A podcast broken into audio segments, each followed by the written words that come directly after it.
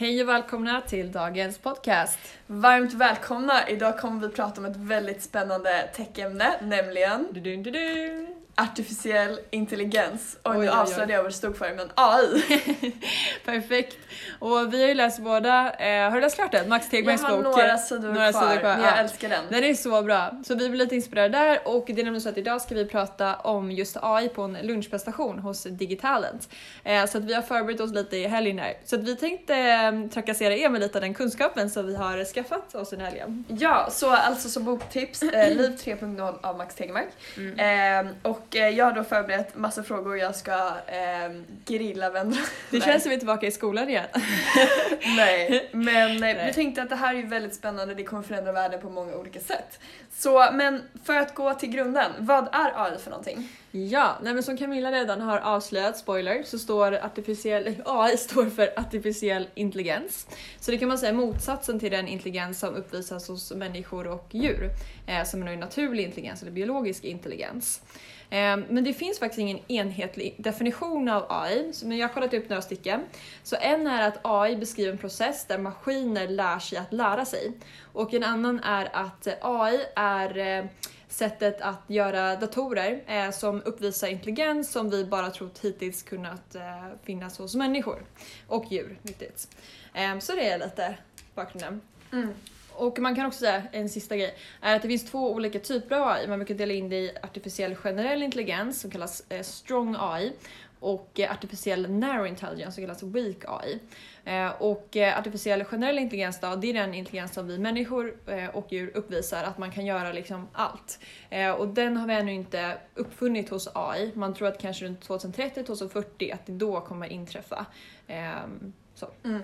Jag tyckte det är intressant, eh, som du bland annat beskrev i boken, att artificiell intelligens så finns det inte eh, liksom en satt definition. Ja. Eh, Men det beror ju mycket på att det är svårt att definiera intelligens Ja, överhuvudtaget. Eh, Så eh, Max Tegmark beskriver ju massa olika förslag på hur man ska definiera intelligens. Mm. Ni kan ju själva klura på vad ni anser är intelligens. Ja. Men det är ju väldigt svårdefinierat inser man ju. Eh, Så det han använder i boken i alla fall är, är eh, ability to accomplish complex goals. Eh, att eh, ja, kunna genomföra komplexa mål. Mm. Eh, och att man då gör det på ett artificiellt sätt så att maskiner kan man säga, eller algoritmer kan göra det. Mm. Men det är väldigt intressant faktiskt. Jättebra. Ehm, ja, eh, men eh, om vi ska kolla tillbaka lite i tiden, hur har utvecklingen sett ut? Hur ser Ja. historien ut? Om vi tar tillbaka kik i historieböckerna så är det så att nej men vi människor, vi har alltid drömt om att kunna skapa eller vi har alltid liksom fascinerats av gudar läste jag om, att det kanske startar där, liksom, att det är liksom övernaturliga varelser som uppvisar intelligens som vi har. Men det finns ju bland annat eh, boken Frankenstein som, eh, som visar en liten A- tidig robot, tidig AI-robot. Eh, men det var först år 1956 som en datavetenskapsman som heter John McCarthy, Carty heter han, eh, han myntade då begreppet AI. Ehm, och, eh, och då fick det jättemycket uppmärksamhet och de bara kastade pengar på allting som hade med AI att göra. Men sen så fick man inte riktigt de resultaten man ville ha. Ehm, så då skar man ner på all finansiering och då kom, kom man till någonting som heter AI-vintern, den första AI-vintern. Eh, sen har det gått lite uppgångar, det, eller upp och nedgångar, så det kom en uppgång efter det på 80-talet eh, och då såg man massa nya kommersiella eh, applikationsaspekter på AI. Men sen så gick det inte bra då heller, så då kom ju andra AI-vintern. Men efter det så har det varit guld och gröna skogar, för att under 90 och 2000-talet så har det bara gått spikrakt framåt. Ehm, så 1997, 11 maj, var en historisk dag, då slog AI första gången ehm, en eh, världsmästare i schack, Gary Kasparov. Jättehäftigt. Och om man går tillbaka till de här definitionerna då kan man säga att det var narrow AI då. Just det. Eller weak AI för den kan ju Ja. bara slå i schack. Exakt. Men hade det varit AGI så hade den här liksom kunnat göra typ vilken kognitiv uppgift som helst. Det är så sjukt. Mm. Ja. Nej men exakt, så att det var en milstolpe. Och sen så 2005 körde en robot första gången på en eh, ökensträcka, helt självständigt 131 mil läste jag. Och två år senare så körde en bil på, i stadsmiljö 55 mil och då kunde du se då trafikfaror och följa trafiklagar och allting. Eh, Så det var en väldigt tidig form av självkörande bil, det var typ ja, 12 år sedan. Eh, Men det är nu det börjar slå igenom på riktigt, men det var tidigt. Ja men så spännande. Mm. Ehm, och eh, ja, då vet vi att AI utvecklas men varför behöver vi egentligen AI? Behöver vi det överhuvudtaget? Nej, jag tycker inte det. Nej men största löftet med AI det är att vi kan få datorer som kan lära sig själva istället för att vi behöver hålla på och programmera dem. Eh, och att vi slipper, istället för att vi ska hålla på och koncentrera oss i en bil och använda vår dyrbara intelligens, våra dyrbara hjärnceller, att eh, koncentrera oss på vilka trafiklagar vi ska följa så, så kan vi låta AI göra det. Eh, och dessutom så kommer vi kunna få bättre resultat. Eh, bland trafikolyckor, 90%, över 90% är eh, mänskliga aspekten. Det är vi som orsakar dem. Eh, så att, och samma sak med diagnoser, det är ofta att man ställer fel diagnoser som, som doktorer och liknande. Så vi kommer få bättre resultat också med AI, så det kommer bli en säkrare värld.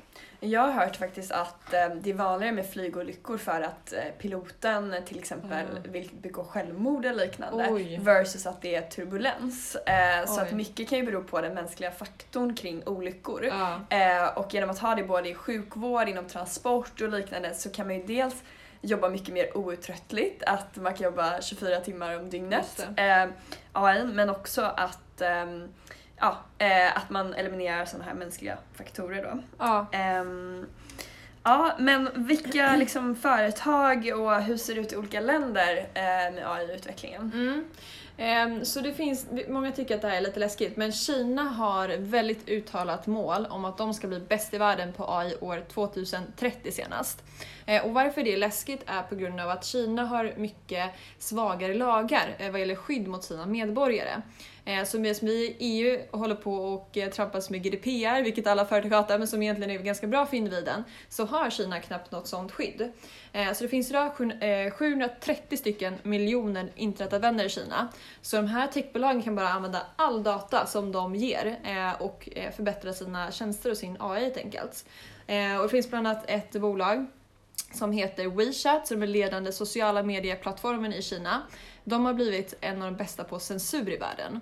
Eh, Så till exempel eh, händelser som massakern vid Himmelska fridens torg, som var väldigt eh, hemsk del i Kinas historia 1989, då, eh, den är helt censurerad, man får inte prata om den. Så då hjälper liksom techbolagen till att censurera där. Och WeChat har även en heatmap som, där man kan se om användarna liksom samlar sig på en viss geografisk position, då kan det betyda att det ska skapas en demonstration och liknande. Och då kan man förhindra det då? Exakt. Innan det har blossat ut? Precis, och även militären i Kina vill bli duktiga på att tillämpa eh, AI. Mm. Så att även fast AI kan ge otroligt mycket bra så finns det många etiska aspekter som vi bör ta hänsyn till. Ehm, Så att det är inte bara liksom bra saker med AI, så det är väldigt viktigt. Så EU är också duktiga på att satsa på AI.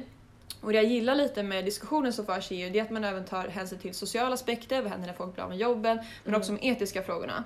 Eh, nu ska inte jag hålla på och förhöja oss eller sådär, men jag tycker det är viktigt att ha den diskussionen eh, och att det finns ett slags samarbete över Ja, världen. men det är ju Ehm, typ med mång, mång, mycket ny teknik Ja. eh, som kommer att det verkligen varken är liksom 100% gott eller 100% ont. Mm. Typ som människor också, man är inte Mm. goda och onda utan allt kan användas på olika sätt och Mm. det tycker jag man ser bland annat i sociala medier. ja, sant. Alltså får vi egentligen mer positivt eller negativt ut av det? Det kan Ja. användas i båda riktningar. Exakt. Eh, och även typ eh, kryptovalutor eh, som kan användas eh, för typ eh, att tvätta pengar och liknande men det kan också användas till att få tillgång till liksom, finansiella system som u-länder inte har tillgång till idag. Mm. Ehm, så, och samma sak är ju med AI, att det kan verkligen användas eh, till jättehemska saker, Ja. autonoma vapen och liknande, men också eh, jättepositiva saker. Ja, och vissa applikationsområden kan både positiva och negativa aspekter, typ självkörande bilar. Det finns miljontals personer i USA som är anställda för att köra lastbil eller eh, vara chaufför. Mm. Och de kommer ju bli av med jobben kanske, Ja. samtidigt som 90% av olyckorna kommer kunna elimineras. Så Mm. det är både positivt och negativt. Ja men mycket. exakt. Och jag har hört att lastbilschaufför är ett av de vanligaste jobben i USA, Ja, eller det flera är stater. jättemånga. Så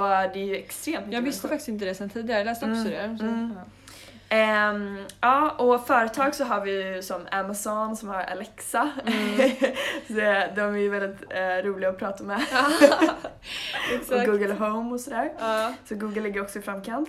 Ja, och sen så Netflix är väldigt duktiga också, att de ger, eh, de ger förslag, de kollar vad andra personer som har sett samma serie som du har kollat på Mm. efter den serien och då kan Mm. de ge liknande förslag till dig. Mm. Eh, och också thumbnails som är tydligen den här bilden när man, eh, när man väljer film, att den eh, beror på vilka filmer du har sett tidigare, typ vilka skådespelare du gillar och så vidare. Så de försöker verkligen hitta data så att du ska öka din liksom, engagement. Och så. Mm.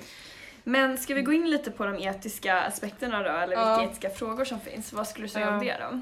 Ehm, nej men så, eh, jag tycker att en sak vi skriver om lite i en caption tidigare är arbetslösheten arbetslösheten som kommer Mm. skapas.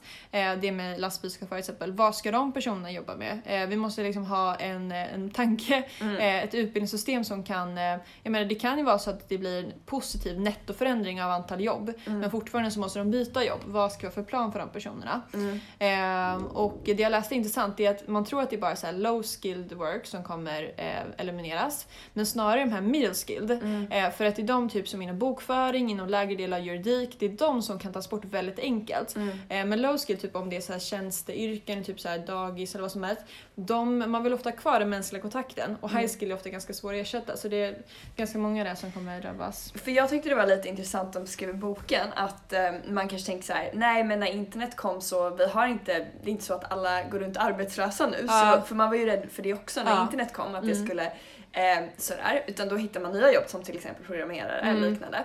Men samtidigt kan man gå tillbaka till hästarna. Ja. De var ju, hade ju jättemycket arbete Just ett det. tag när de körde vagn. Ja. Eh, och sen så man bara nej men det kommer inte liksom helt slås ut och sådär. Men sen kom ju bilarna. Ja. Och eh, hästar har ju inte så mycket jobb idag. Eh, förutom att man fortfarande vill Det var dem bra, boskapsdjur vi kan vara som hästarna kontra... det är sant! Ja, kontra bilar då. Ah, Eh, så um, där kan man ändå se någon gång i historien där Mm. eh, en art har förlorat jobb då Ja, enkelt. smart, Även smart. fast de inte tjänar egna pengar. Nej men sen så också hur vi ska fördela värdet. För jag såg en jätteintressant grej eh, tyckte jag. Att 2014 då gen- genererades lika stor omsättning från de fyra största bolagen i Detroit i USA, som på mycket med traditionell industri, som de fyra största bolagen i Silicon Valley. Mm. Skillnaden var att de i Silicon Valley hade tio gånger färre anställda. Mm. Eh, Så att värdet som skapas nu med techbolagen när man har AI, det kommer tillföra till en mycket liten andel personer. Ehm, Så att det är någonting, vissa kommer bli superrika och vissa kommer inte kunna ta del av den här värdestigningen med AI. Ja. Så det, det är en aspekt också. Man har ju till och med pratat om att man vill införa en begränsning i USA hur mycket ett techbolag får omsätta. Ah, Eh, som ett tak, Ah, bara för att det inte ska bli så här monopolsituation typ. Ehm, men ehm, ja, det finns såklart olika åsikter om Jag det. såg en, eh, en av medgrundarna till Facebook, han Mm. kritiserade Facebook och sa typ att det aldrig borde gått igenom att de fick köpa upp eh, WhatsApp och Instagram. Mm. Att de är alldeles för stora nu. Så Mm. det, de har Ja verkligen men vissa exakt, man börjar bli lite orolig hur eh, stort ett företag kan bli liksom. Ja, och hur exakt. mycket makt det är. Mm. Eh, och speciellt kanske när det handlar om data som många människor liksom ger ifrån sig gratis. Ja, eh, exakt. men som blir, skapar extremt mycket värde för företagen som Ja. de kan tjäna pengar på. Ja, helt rätt. Ehm, ja, eh, nej men kan du inte berätta lite, lite kända personer, lite gossip, Ja. vad, de tyck, vad de har för åsikter om AI? Ja, nej men den som är mest, som hörs, syns mest skulle jag säga, en kritisk röst, det är Elon Musk. Ehm, så att han har sagt till och med att han tror att det är 90% risk att AI kommer utplåna mänskligheten. så den, han är verkligen kritisk. Ehm, det roliga är att han är grundare av ett bolag som heter OpenAI. Men, och då tror många såhär, ah, vadå han håller på med AI då? Men det de gör är att de är ett ideellt forskningsbolag och de fokuserar på vänlig AI som man kallar det. Så de vill att det ska utvecklas, ehm, att de vill undvika globala katastrofrisker och hindra från att företag och regeringar får för mycket makt. Eh, Mm. så de har, de har fått in en miljard dollar av bland annat Peter Thiel som grundat Paypal. Så det går väldigt bra för dem. Men han är i alla fall väldigt, väldigt kritisk. Eh, Bill Gates är också kritisk. Han tror att så här, ja, men, eh, först kommer liksom maskinerna kunna göra en hel del jobb för oss, men när de blir smartare och smartare, vi måste komma ihåg att eh, de, de kan bli en ny art som, som vi hästarna, de kommer liksom ta Mm. över. Eh, och sen så Stephen Hawking var också ganska kritisk eh, till det.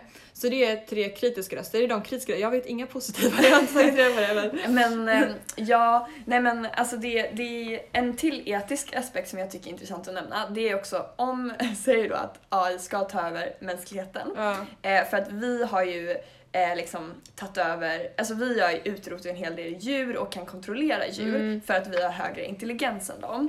Ja. Eh, och det kan ju till exempel vara en tiger eller en elefant. Eh, vi kan ju eh, liksom helt enkelt ha makt över dem Mm. fast de lätt skulle kunna, eh, ja men är mycket starkare än oss och skulle kunna skada oss. Och de kan ju inte ens, de har inte ens eller de har inte intelligensnivån att förstå hur vi tar makten över dem. Nej. De skulle inte komma på det, typ så, ah, men Ja. de skulle kunna bygga en bur och så här.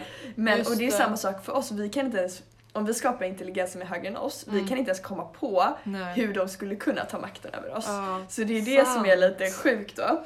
Eh, och det som de beskriver här Liv 3.0, nu avslöjar jag lite spoilers här, eh, men det är att det finns lite olika scenarier och ett är ju då att man alltså ser det lite som att robotarna eller så här, de här, den nya generationen blir som våra barn. Så man får liksom ett robotbarn som man eh, för över sina värderingar och sen så liksom tar de generationen vidare. För jag menar, alla människor är ändå beredda på att de kommer dö, att livet är slut någon Mm. gång. Så varför inte ge det till någon?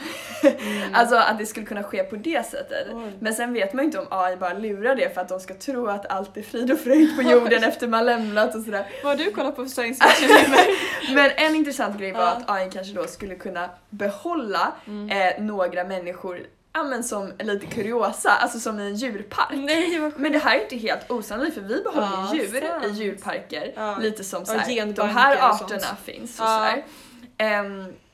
Och, och bara så, så vi är klara med det, det här behöver inte vara att det är liksom fysiska robotar utan. AI kan göra jättemycket bara genom mjukvara. Aha. Och liksom att gå in på folks datorer och liksom allt sånt där, manipulera folk och ja, så bara så, så jag är tydlig med att det här menar jag inte att det är någon robotinnovation som, Ja. äh, innovation som sker. Eh, men i alla fall, eh, och då om de behåller folk i, i djurparker då, det som är intressant att tänka på är ju att eh, när man skapar en djurpark gör man inte det för att maximera eh, djurens lycka. Nej. Det är inte så man kollar på en panda och bara vad skulle maximera dens lycka? Ja men det skulle vara att den hade så här stor skog och den skulle Mm. få så här mycket mat och bla bla. Utan man gör det för att eh, maximera besökarnas Mm. tillfredsställelse Mm. när de besöker djurparken. Mm. Eh, och säg att man skulle göra en människopark då. Ja. Då skulle man kanske göra, inte maximera människans lycka, då, som man tänker Maslows behovstrappa, så tar man bort de här översta lagren, typ självförverkligande bla bla, Bara så har man bara de lägsta som Ja. är typ fysiska behov. Så att man kan sova, eh, få mat, säkerhet, trygghet och kanske så här, någon uppgift som är tillräckligt intressant för att besökarna ska tycka det är kul att titta på. Liksom. Ja. Eh, och det är så himla sjukt när man tänker på det att om det blir en människopark och de gör på samma sätt som vi gör, då skulle det antagligen vara något sånt där. Mm. Och, och då tänker man, då inser man ju hur sjuka djurparker är. Mm. Egentligen. Som sant. man inte har tänkt på det när man växer upp liksom. Ja. Jag tror folk rättfärdigar med bara nej men de förstår inte att de har det dåligt typ. Ja, Och och så kan ju också in, den här superintelligensen tänka på. Att de här människorna, liksom en tiondel så hög Mm. intelligens som vi har. För jag lyssnade på podd, eh, Max Tegmark, eh, Framgångspodden. Mm. Och då sa han ju så här att ah, men, eh, om vi hoppas att AI kommer behandla oss bra, då kan vi börja med att behandla djur bra som har lägre intelligens än oss. Eller något sånt han. Det är helt sant. Så det är lite den här gyllene regeln, typ man ska behandla andra som man själv har behandlat. Ja. Man inser det i en ny dimension när man Ja. tänker på AI, hur man skulle vilja att AI behandlade oss människor med lägre intelligens. Ja. Och typ då vad för et, hur, hur man ska tänka etiskt kring vad vi, hur vi behandlar Ja. eh, varelser så här, med lägre intelligens än oss. Mm, mm. Ja, men det tycker jag är en Jättebra. intressant etisk fråga. Verkligen. Mm. Jättespännande. Men det finns någonting som heter SenseTime. Kan inte du berätta Ja, lite om det? Lite kuriosa. Det är också ett kinesi- kinesiskt bolag. Mm. Eh, och de var faktiskt år 2014 den första eh, algoritmen som var, hade bättre detekteringsnoggrannhet, alltså för att upptäcka bilder, Mm. än mänskliga ögon. Ehm, så att då var det liksom, de, ja, de startade också 2014 så de liksom uppfann det här i samband med starten. Mm. Men det SenseTime gör det är att de kan analysera, de är extremt duktiga på bildigenkänning. Så de kan analysera till exempel ett jättestort torg av människor eh, och känna igen ansik ansikten och till och med din gångstil. Så de kan bara, men där är Camilla, hon går sådär konstigt Oj. som vanligt. och eh, i Kina finns det då 170 stycken miljoner övervakningskameror. Det växer med 15% per år. Mm. Eh, och eh, en av då SenseTimes kunder är ju staten, hur de kan implementera det här i deras övervakningskameror. Så det är lite ovanligt. Mm. Men de har också andra typer av kunder, bland annat detaljhandeln, massa olika företag och eh, hälsovårdssektorn. Eh, Så de kommer in i nya branscher hela tiden, allt ifrån de här övervakningskamerorna till självkörande bilar, så de är extremt eh, breda. Mm. Och de tog in den största rundan under 2018, de tog in 600 miljoner dollar. Eh, Och de planerar nu att ta in 2 miljarder dollar snart. Wow. Eh, och i världens högst värderade AI-startup på 4,5 miljarder dollar. Så Mm. att de går väldigt, väldigt fort. Alibaba är en av ägarna. Mm. Eh, så.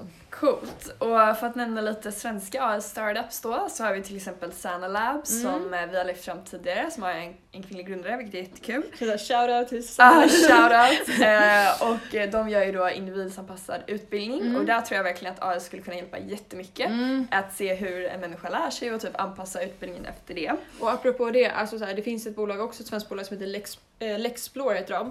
Eh, och det de gör är att de märker av din, hur, de, hur du rör dina ögon när du läser. Läser och då kan de märka av väldigt tidigt om barn har dyslexi. Så tänk egentligen bara om typ 100 år, vi kommer tycka att skolan var så gammaldags. Alla placeras i klassrum, de ska läsa exakt samma takt oavsett intressen och liksom Ja. färdigheter. Det är helt knäppt tycker jag. Ja men verkligen. Ja. Ehm, och det är även knäppt lite sidospår med hur annorlunda det är mot att eh, driva bolag också. Ja. För då är det så här liksom alla gör på sitt sätt, misstag är bra och liksom så här, det är en helt annan mentalitet som krävs versus skola. Sant. Så det är verkligen Och då är det såhär bara, vad tycker kunden? Analysera kunden, vad har den för behov? Och i skolan är det bara såhär, alla samma behov. Alla har exakt så. Ja. Eh, ja men verkligen. Ehm, men det, ja, den finns, sen finns ju även Ain Ride som också är en Mm. kvinnlig grundare som vi har lyft fram. Ja. Eh, som är då självkörande liksom, T-podd som det heter, men ja. transport. Ehm, så ja, Och så finns ju massa olika inom robotrådgivning nu som blivit väldigt hett. Mm. Typ Lysa, eh, Mm. Sigma Stocks, Better Wealth eh, och ett annat eh, som håller på med Century, Analy- Century Analytics som har en hedgefond för valutahandel Mm. där AI då tolkar stora mängder eh, historisk data. Mm. Eh, så det var spännande. Och just bokföring som vi nämnde tidigare, att det kan elimineras. Det finns ett bolag som heter Bokio. Eh, så de automatiserar då din eh, bokföring så att AI-motorn sorterar informationen och vet hur det ska placeras. Mm. Och sen också A-Flow har fått väldigt mycket uppmärksamhet. De utvecklar för äldre personer, du har ett armband eh, och så har du lite olika stationer, satellitstationer i ditt hem. Eh, och då kan den läsa in data hur du rör dig och din puls och liknande. Och då kan man i preventivt syfte veta att den här personen riskerar att få ja, någonting. Mm. Eh, och då kan man vidta åtgärder. Mm. Och sen en annan tycker jag, förlåt. Ja, det är- eh, Greater Den tycker jag också är ganska spännande. Det är ett börsnoterat bolag faktiskt som gått jättebra på börsen. Eh, det de gör är att de hjälper försäkringsbolag. Eh, så de, du implementerar då en liten mjukvara i din bil och då kan den mäta av exakt hur du kör. Eh, för att nu är det så att du får en premie utifrån din ålder och typ sådana faktorer. Men eh, försäkringsbolagen vet ju faktiskt inte hur säkert eller farligt du kör. Mm. Så Greater den kan känna av exakt hur du egentligen kör. Och det fina är att de har sänkt olycksfall med 40% bara att folk känner av att säga okej, ja nu, nu kollar de på mig, då borde jag köra liksom bättre för att sänka min premie. Det gör att Mm. folk krockar mindre. Så det tycker jag var lite intressant. Ja men jättekul och Mm. även inom försäkring kan man tänka på Hedvig eh, som, eh, som är då att man eh, lättare kan få ut försäkringspengar genom att man skriver med en bot förstår jag det som. Så Just på bara några minuter eh, så kan de ja, fixa det så det är inte lika långa ledtider som det är på traditionella försäkringsbolag. Just det. Eh, så det är Jättebra. väldigt intressant. Och vi såg att Accenture beräknade att svenska bolag kan få en 32% produ- produktivitetsökning med AI. Så det kan allt ifrån sådana här bottar till att, ja, allt möjligt liksom med bokföring och så. Så det finns ju många stora fördelar med det. Mm. Men hur mycket har investerats i AI typ förra året? Eh, när man kollar på, jag såg eh, siffror från USA, eh, venture capital-investeringen då. Eh, och det ökar extremt mycket. Så att från 2017 2018 har det ökat 72%. Oj. Så att nu är ungefär en tiondel av, eh, 10% av alla pengar som investeras i venture capital går till AI-bolag. Mm. Eh, och bara kommentar på VC-branschen överhuvudtaget. Det är nästan samma nivå nu som innan dotcom-kraschen. så nu är det 100 miljarder dollar som investeras och då var det 120. Så det är extremt mycket pengar som eh, allmänt går in. Mm. Eh, och den största rundan i USA ett jättespännande bolag som heter SOX.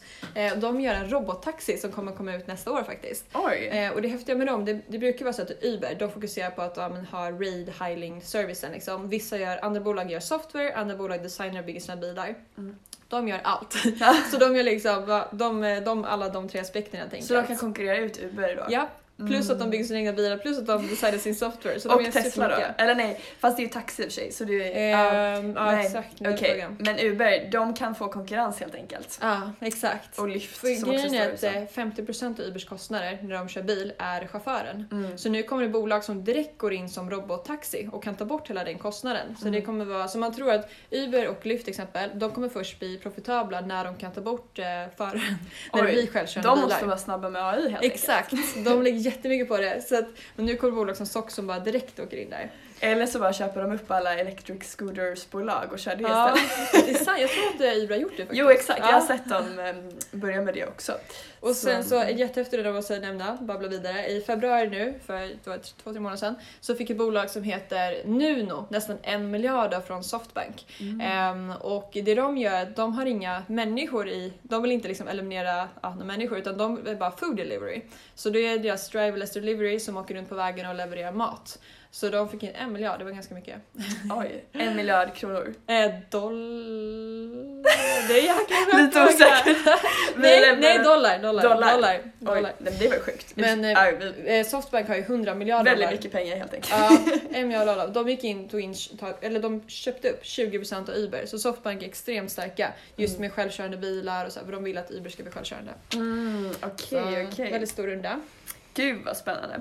Eh, men eh, vi kanske lämnar det där med Ja. lite spännande framtidsutsikter, eh, vad som kan hända. Så nu är frågan, vad tycker ni? Vad har ni för tankar? Ja, vi lägger upp Ja. en, eh, en story sen där ni kan ställa AI-frågor Det var en eller bra idé. funderingar.